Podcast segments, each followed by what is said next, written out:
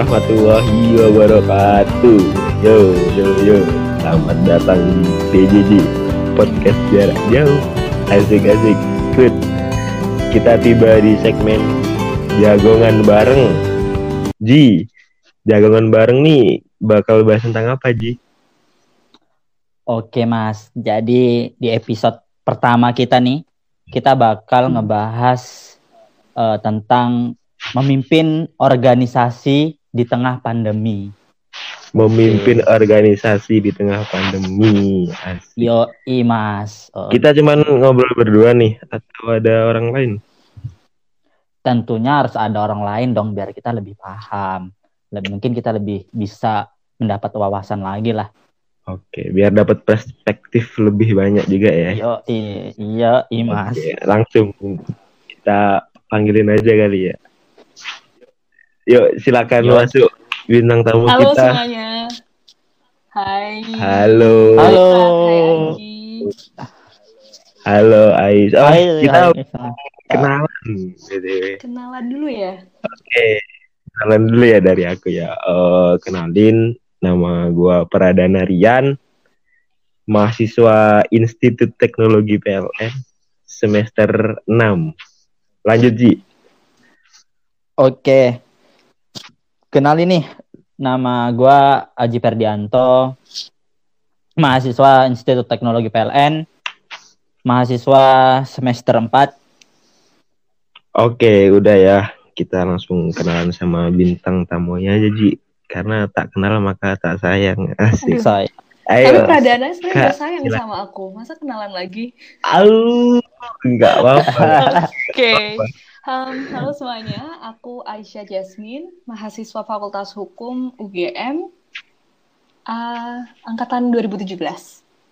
Salam kenal. Oke. Salam kenal Kak. Kak, Mbak, atau Panggil Aisyah aja nggak apa-apa sih, santai aja. Oh, okay.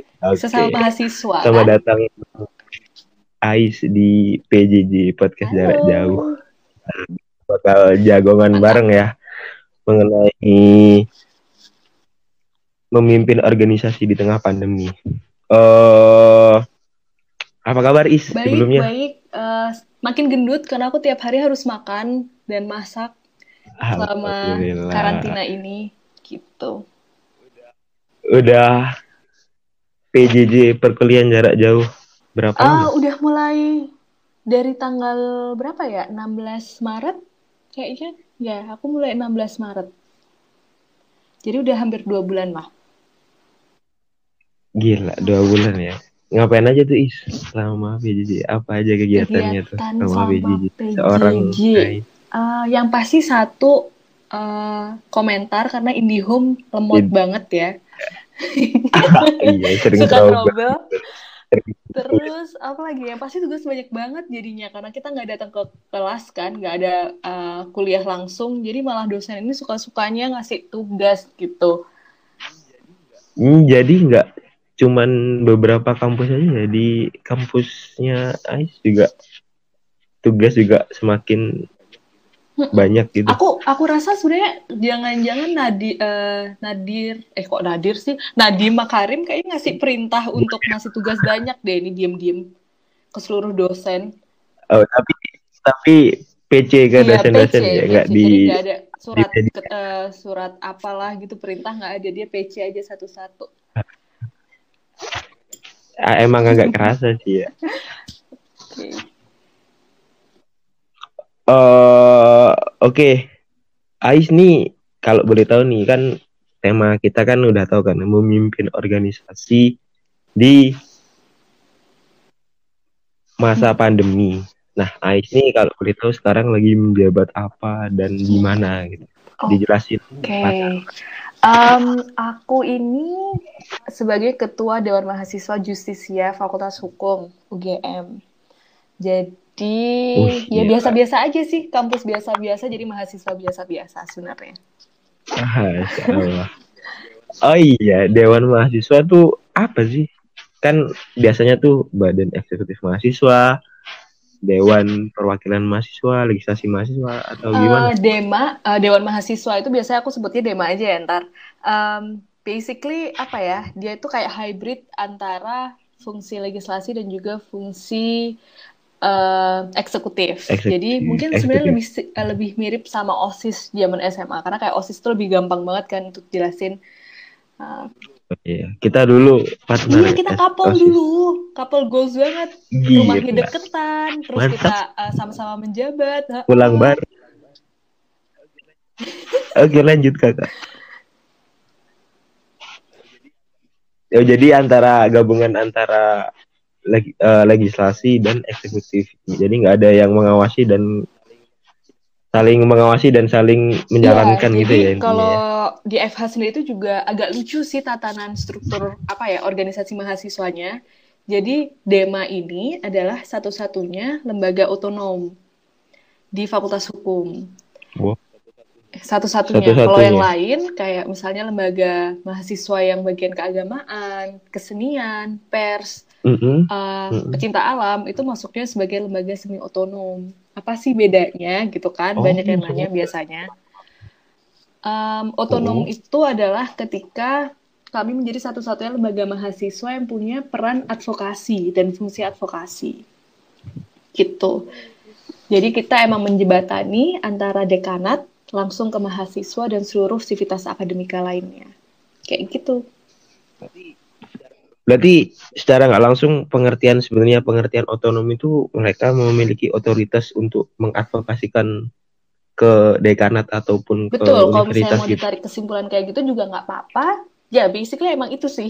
Ya, Oh, itu Ya, ya. baru tahu, sumpah.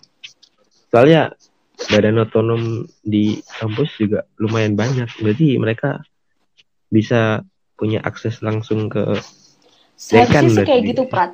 Bisa ditarik seperti itu. Oke. Eh, oke, Is. Jadi Ais nih menjabat sebagai ketua DEMA. Dewan Mahasiswa ya. Jadi kan dimimpin organisasi.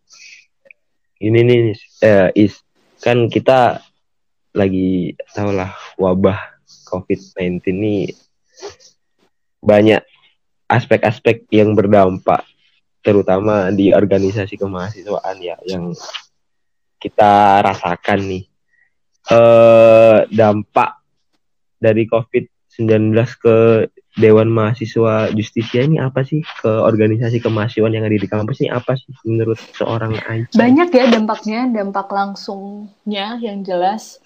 Uh, mungkin Prat sama Aji sendiri juga tahu betapa kita sekarang terlimitasi untuk bisa jalan-jalan, bisa ketemu orang langsung. Dan itu pasti punya impact besar banget ke bagaimana organisasi jalan. Karena gimana-gimana organisasi itu kan butuh masa, butuh butuh kumpul-kumpul, Ya, butuh kongko, akti- aktivitas aktivitas fisik. fisik. gitu kan. Nah, apalagi ketika uh, organisasi Mm-mm. ini kita kita apa ya kita artikan lebih dalam uh, seperti keluarga gitu. Ketika kamu nggak bisa ketemu anggota Ya. keluargamu, ya itu lebih susah lah untuk melakukan, Saya- untuk bertindak gitu. Jadi memang kita harus berpikir ulang bagaimana menja- em, apa ya mencari the new normal. Jadi situasi normal baru yang tidak ideal seperti sebelum adanya pandemi. Kayak gitu. Jadi kayak re Restrukturasi, reorganisasi, ya. re reschedule Iya, semua hal. organisasi segala segala hal ya, segala bidang entah itu proker, entah itu cara untuk Betul. menjaga kekeluargaan, itu apa pun. Hmm, eh iya sih emang berdampak banget sih. Jadi ada yang mau ditanyakan nggak ke Ais nih? Jadi Ajinya sholat rawih kali, Prat. Kan di Lampung mungkin ah, tadarus ya. ya belum satu jus soalnya hari ini. Oke, eh langsung tak tanya Mhm. Ais yang kedua nih. Hmm, kita kan pasti bakal re re re semua ya, entah dalam aspek apa pun itu. Nah, kalau dalam masa kepemimpinannya Ais nih, strategi apa dan cara apa yang dilakukan agar organisasi yang kita pimpin ini tetap efektif berjalan dan menjalankan sesuai job desk job desknya masing-masing. Um, aku ini sebenarnya baru belajar sih dari teman-teman yang ada di BMKM UGM. Jadi barusan aja kami kunjungan. Sebenarnya ini bukan bukan ideku ya, tapi aku rasa ini sesuatu yang bisa diimplementasikan bareng-bareng. Jadi kan pastinya suatu organisasi itu harus bikin apa ya? crisis management gitu. Just in case ada sesuatu yang buruk dan sudah terjadi, kita harus bikin lagi framework-framework baru untuk memanage sebuah organisasi. Yep. Opsinya adalah um, kita berhenti total atau melanjutkan seperti yang awal direncanakan ketika misalnya rapat kerja atau rapat uh, pengurus. Dan kalau dari Dema sendiri memilih -hmm. untuk hybrid, jadi kita memilih untuk ya udah tengah-tengah aja kita nggak berhenti total, tapi kita juga jalan gitu. Karena kami tahu bahwa fungsi-fungsi advokasi tidak hanya pada dekanat, tapi juga ke masyarakat, ke pemerintah, terus membuat propaganda, membuat apa ya tekanan terhadap pemerintah, eh, kebijakan-kebijakan pemerintah, bikin kajian itu kan sesuatu yang sebenarnya bisa dilakukan jarak jauh ya gitu. Jadi kami memilih untuk oke okay, kita pikir ulang segala sesuatu yang sudah kita rencanakan, kita saring dan malah sebenarnya kita menemukan banyak hal baru yang menjadi hal normal gitu sekarang ketika masa pandemi ketika kita harus serba daring serba jarak jauh. LDR lah Prat ya kayak kamu sama dulu mantan kamu yang dicari dan kamu disedati gitu. Jadi ya kita harus uh, we, we still gonna make it work. Dan yaitu kalau misalnya gimana cara kita nge-prevent, mitigate, kemudian memberi respon terhadap suatu keadaan. Karena menurutku sebaik-baiknya apa ya organisasi adalah ketika dia mampu bertindak gitu loh. Mungkin kamu planning bisa sesempurna mungkin, tapi kamu nggak nggak pernah tahu kan akan terjadi pandemi di bulan Maret gitu, ketika semua harus berhenti. Jadi kayak how to iya, respond to the, ha kanker nggak ada, nggak mungkin kan tahu kalau misalnya ada pandemi, aku nggak mungkin maju jadi ketua dema loh, Prat mendingan aku ongkang-ongkang kaki aja. Bisa ya. Iya benar. banget tuh. Jadi gimana kita recover hmm. dari apa ya uh, shock bahwa oh segala yang kita bangun harus runtuh menjadi tidak ideal dan apa ya kembali kembali bangkit gitu resilience si kita harus maju lagi gitu. Tapi ada beberapa program kerja yang yang benar-benar nggak bisa dilakukan secara online ataupun harus menggunakan aktivitas aktivitas fisik itu emang harus emang ice cut atau um, di ini lagi kasih beberapa case gitu is. ada Biar dua possibility sih memang. Satu adalah kita mundur atau ditiadakan gitu. Karena kan kita masih punya semester depan gitu. Tapi nggak mau dong kalau misalnya semua beban kita letakkan yep. di semester depan satu nggak ada sumber daya manusianya nggak ada waktu nggak ada tenaga gitu. Jadi memang uh, ada nih proker udah hamin tujuh jadi kita udah uh, hampir gladi udah mau opening udah mau opening. Jadi prepare. di di UGM itu kan hari hari apa ya hari Jumat sore itu ada pengumuman bahwa hari Sabtu sore ada pengumuman bahwa kita akan kuliah daring. Nah, di sore itu juga kami lagi gladi bersih untuk hari Senin pembukaan acara kayak pekan olahraga gitu, Prat, kayak OSIS Cup gitu.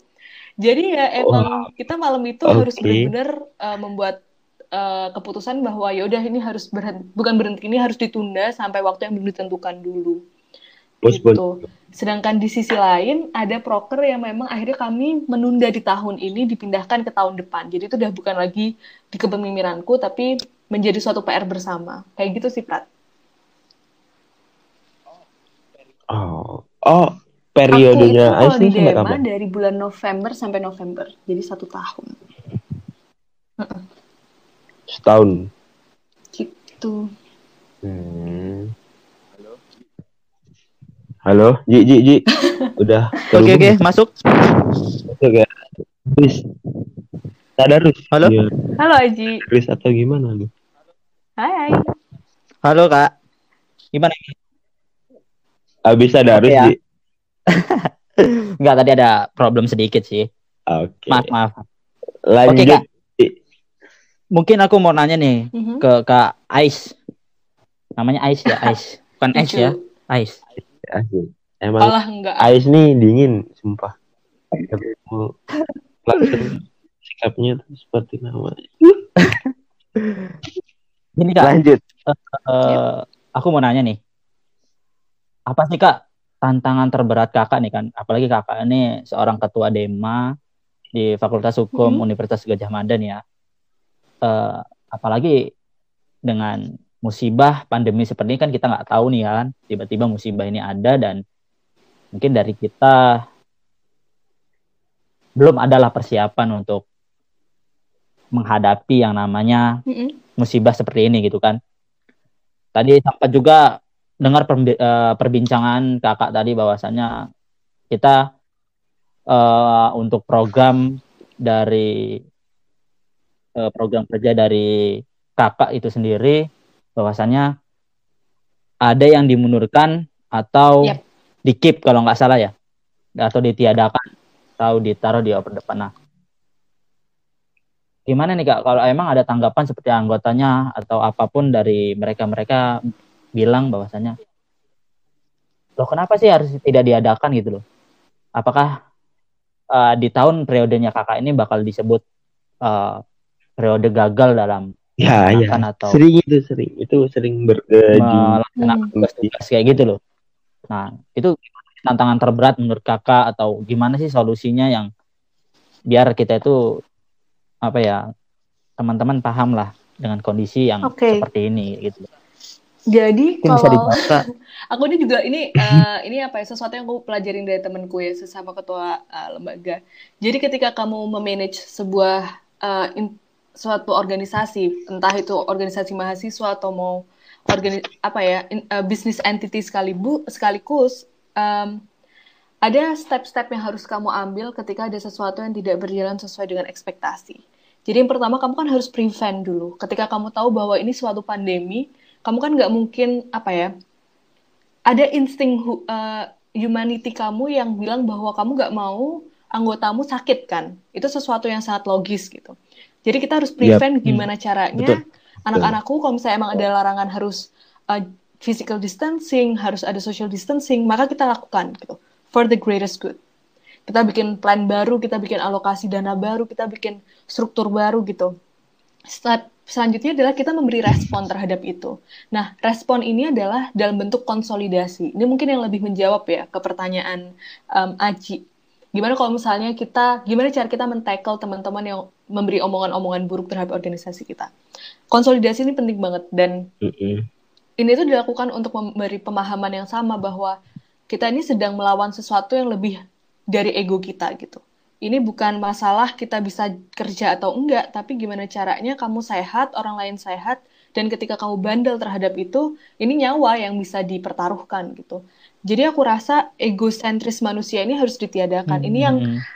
orang-orang bebal kayak gini yang sebenarnya membuat Indonesia lama banget nanti bakal karantina gitu. Ntar omongan saya bebal kayak gini ya, lama ntar karantina. Sampai September bisa-bisa gitu. Iya, orang-orang iya, yang ya, percaya teori konspirasi. konspirasi. gara-gara Cina gitu. Nah, dengan dengan kita membuat konsolidasi itu kan itu uh, jadi aku literally ada kegiatan yang hamin dua ternyata bukan hamin tujuh ya hamin dua dilaksanakan dan di malam itu juga gue harus ngomong ke aku harus ngomong ke ketua uh, eh, PO-nya, project officer-nya, ke wakil mereka dan lain sebagainya, ke ketua depar eh, kepala departemen aku gitu. Dan ya kita paham, kita punya mutual understanding terhadap itu. Dan itu kan gerakan-gerakan akar rumput ya, maksudnya kayak itu kamu juga harus gerak bahwa diberi pemahaman itu. Selain itu juga ketika kamu punya power, ketika kamu punya apa ya kekuasaan untuk memberikan uh, suatu kebijakan baru ya gunakan gitu. Contohnya kayak kemarin aku langsung membuat surat uh, surat imbauan larangan uh, harus social distancing dan lain sebagainya.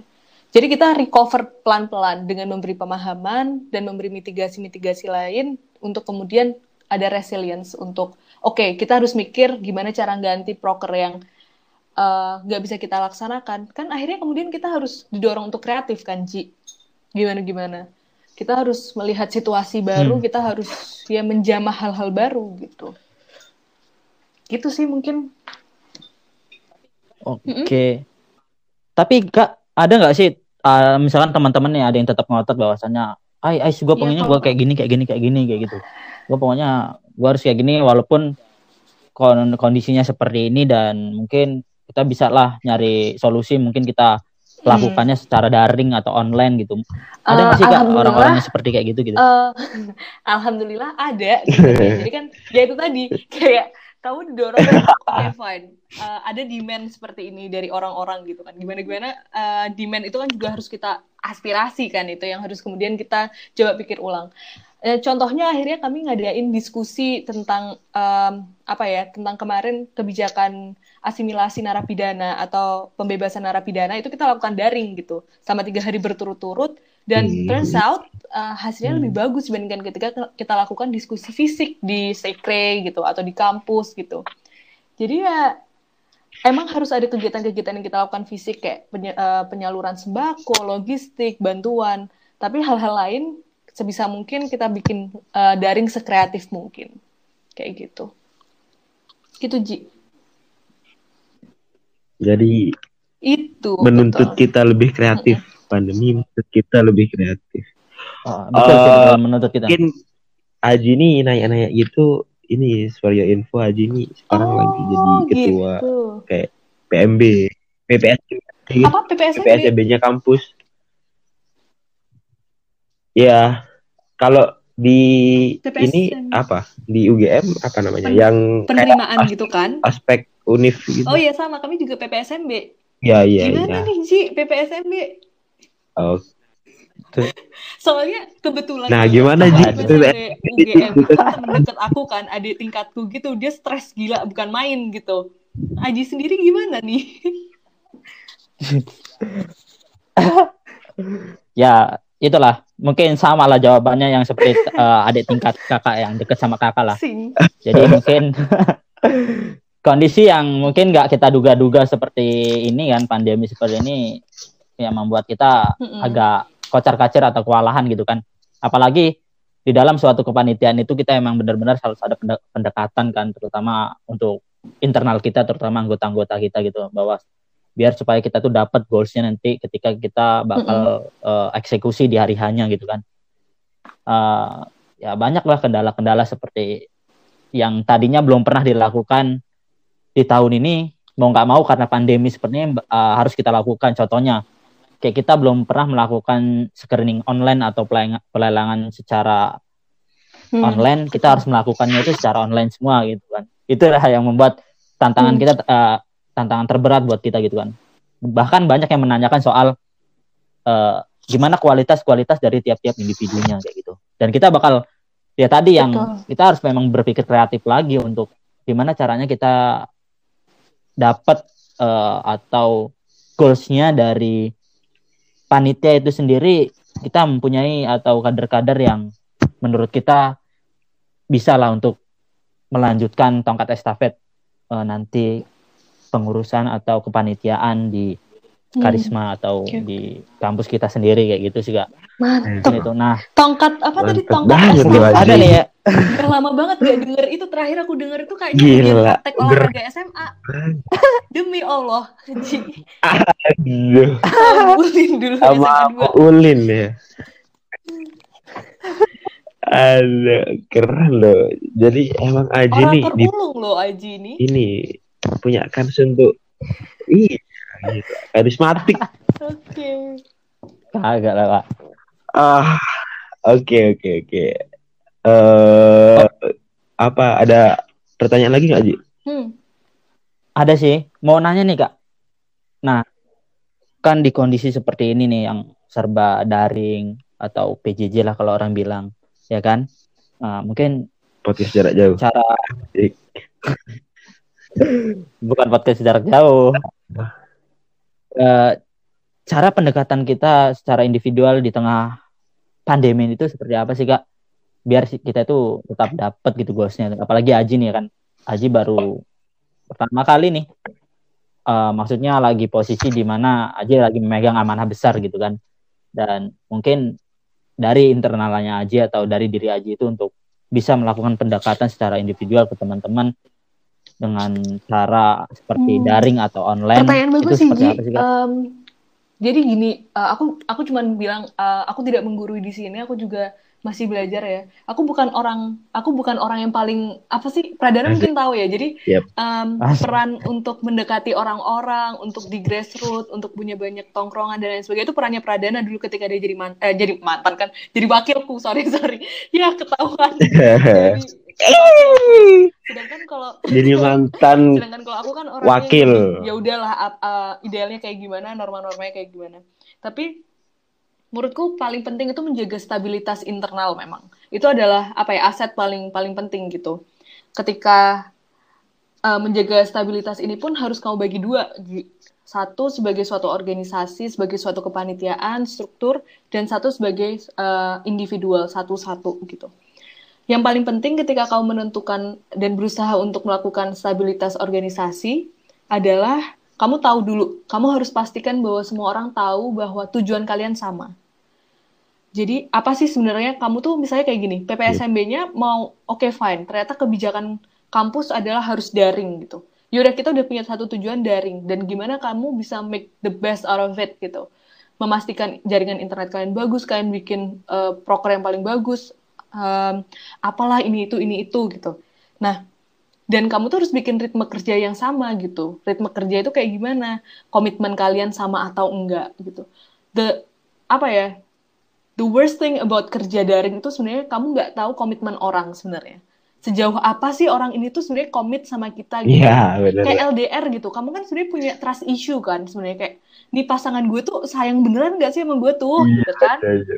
Nah, nah jangan dia jalan sama cowok Jangan lain, sama cewek lain cewek gak sih lain, gitu. ya. Nah, jadi eh, kamu harus pastikan komitmen tuh ada gitu. Gimana memastikan komitmennya? Eh, menurutku adalah gunakan maksudnya apa ya? Kua- bukan kuasa ya. Eh, ya kuasamu sebagai ketua untuk ya otoritas lah kalau versi versi Otoritas. jahatnya otoritasmu untuk memastikan kamu masih mau nyemplung atau enggak gitu. Dan jangan takut untuk mendepak orang yang enggak enggak enggak ber, berkomitmen di situ menurutku kalau misalnya memang ada sistem untuk mendepak orang, depak aja nggak apa-apa. Oh my god, I sounds very rude.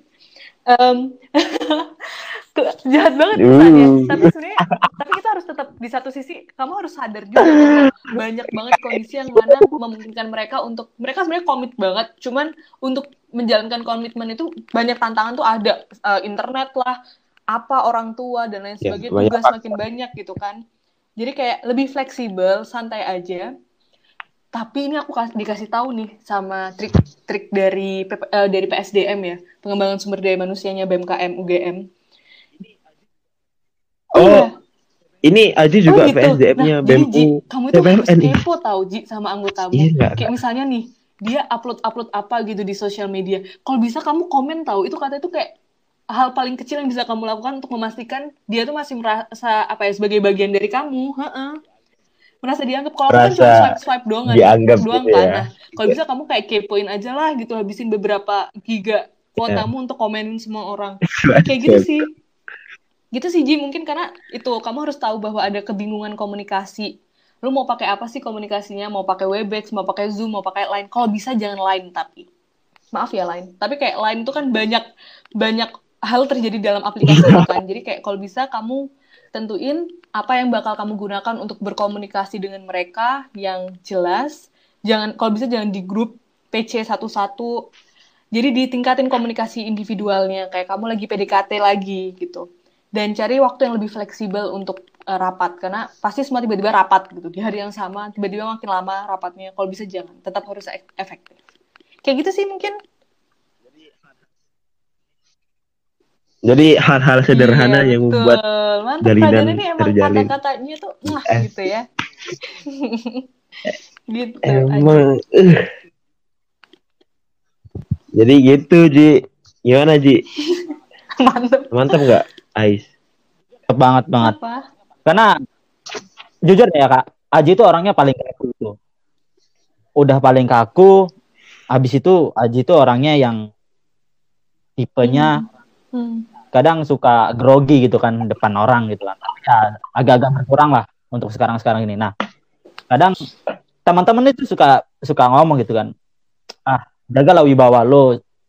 Jangan lo seperti kayak gitu. Maksudnya boleh terlalu humble sama orang, tapi ya kadang kalau orang berlebihan Hmm. mah ya karismatik lo harus di, dikelihatanin dong Ji atau baru lebih dikelihatanin ya boleh tapi dengan kondisi mau seperti Betul. ini ya kita tetap harus humble sama orang gitu jangan kaku-kaku banget apalagi udah kita udah mikirin proker yang sebesar itu mikirin konsepan yang saat yang sebesar itu yang sesulit itu mungkin serumit itu yang ngapain sih kita harus bawa kaku banget? Ya kita bawa enjoy aja gitu. Anggaplah turunin lah ego kita Mhm. sedikit sebagai posisi kita itu sebagai apa. Ya sekarang sekarang ini ya kita memposisikan diri kita ya sebagai orang biasa aja yang kayak teman curhat teman dekat dia. Yang betul sih kata kak Kais gitu kan memang. Tapi jangan tanya, sih jangan tanya udah makan belum Ji. Ntar salah iya eh mispersepsi ntar. Jadi, Gitu. eh, Keren banget sih. Ini gue ada pertanyaan Iya, gue lagi maaf. Aku ada pertanyaan is. Jadi agak agak kepo nih kan untuk menjaga internal itu kan dalam kondisi kayak gini kan cukup susah kan. Terutama skup organisasi yang cukup gede di suatu kampus. Di Dema di kepemimpinanmu ini ada kayak semisal hal-hal yang rutin dijalankan untuk tetap menjaga hubungan Hmm, individual kalau itu dari sih? Dema itu pasti ada rapat pengurus harian tiap minggunya. Jadi eh, lingkupnya adalah eh, komisku atau wakilku kami adakan seminggu sekali juga. Kemudian di hari eh, besoknya hari Jumat biasanya itu rapat pengurus harian dan tiap departemen dan biro itu wajib mengadakan rapat tetap komunikasi dan koordinasi per minggunya. Ya sebenarnya bukan lagi kita prioritasnya bukan lagi bagaimana melakukan proker sih, tapi ya menjaga relasi itu menurutku paling penting sekarang. Kamu nggak mau kan kayak masuk hari Ag- eh, bulan Agustus misalnya, tapi ternyata Nah, kamu itu cuman punya jabatan, nggak punya anggota, nggak punya pengurus itu itu nggak nggak mungkin banget gitu. eh, bener bener bener. Soalnya kan organisasi itu bukan melulu tentang profesionalitas, bukan melulu tentang job desk. yo imas mantap Mantap, keren lah keren banget ya, keren. Eh, keren banget. Ada lagi nggak Ci? gila. Pertanyaan? cukup sih mas tadi yang udah kutanyakan itu udah terjawab semua mantap sih aduh Semua bisa ya. bisa. mungkin kita bisa ngobrol lagi kayak lebih lama lagi kali ya Mungkin di next episode dan dengan bahasan yang mungkin langsung langsung kontak person aja kali ya mas ya eh lu minta nomornya Ais Wah gitu Aji nih. atau gimana nih? Iya langsung ngobrol Oh, Ais Udah langsung ngobrol ada yang memiliki. single kan? gitu. Maaf ya Aji ya. Oh, sayang banget Ji. Oh. sayang banget aduh mas tadinya kan niatnya mau ngobrol lebih Iya, sebenarnya intens Oh, lagi itu juga ini ya, gua pe kepo sih Ji. Alhamdulillah udah hampir setahun. iya. Alhamdulillah. Sayangnya beda. beda. Alhamdulillah. Kita LDR, kan? LDR Emang- rumah ibadahnya. Gitu. Jauh. Aduh, jauh banget itu. Satunya satu R. Vatikan gitu, nggak apa-apa. Jauh. Aduh, nggak apa-apa. dijalanin aja dulu. Enggak apa-apa. Barangkali cocok, iya enggak? Ah, amin amin amin ya Allah. Doain aja. Enggak enak aja. Iya, Amin, insya Allah ya. syahadat aja. Pelan-pelan. Oke. Mungkin cukup sekian. Terima Thank kasih you. kepada Aisyah Justina Thank you. selaku Yay. ketua Dema Justisia Thank you Aji. Kalau ada apa-apa tanya Dan aja Ji. sebagai- Atau Makasih aku loh, Kak Ais. Coba uh, beri kontak person temanku yang ketua PPSMB juga. Mm-mm. Cowok tapi Ji.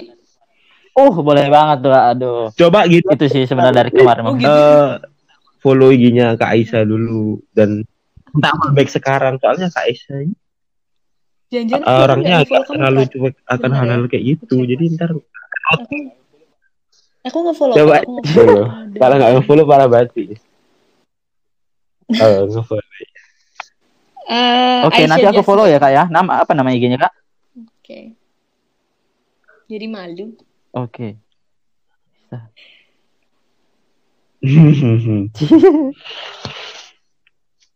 Oke, sekali lagi makasih buat Ais telah berikan perspektifnya selaku ketua Dema.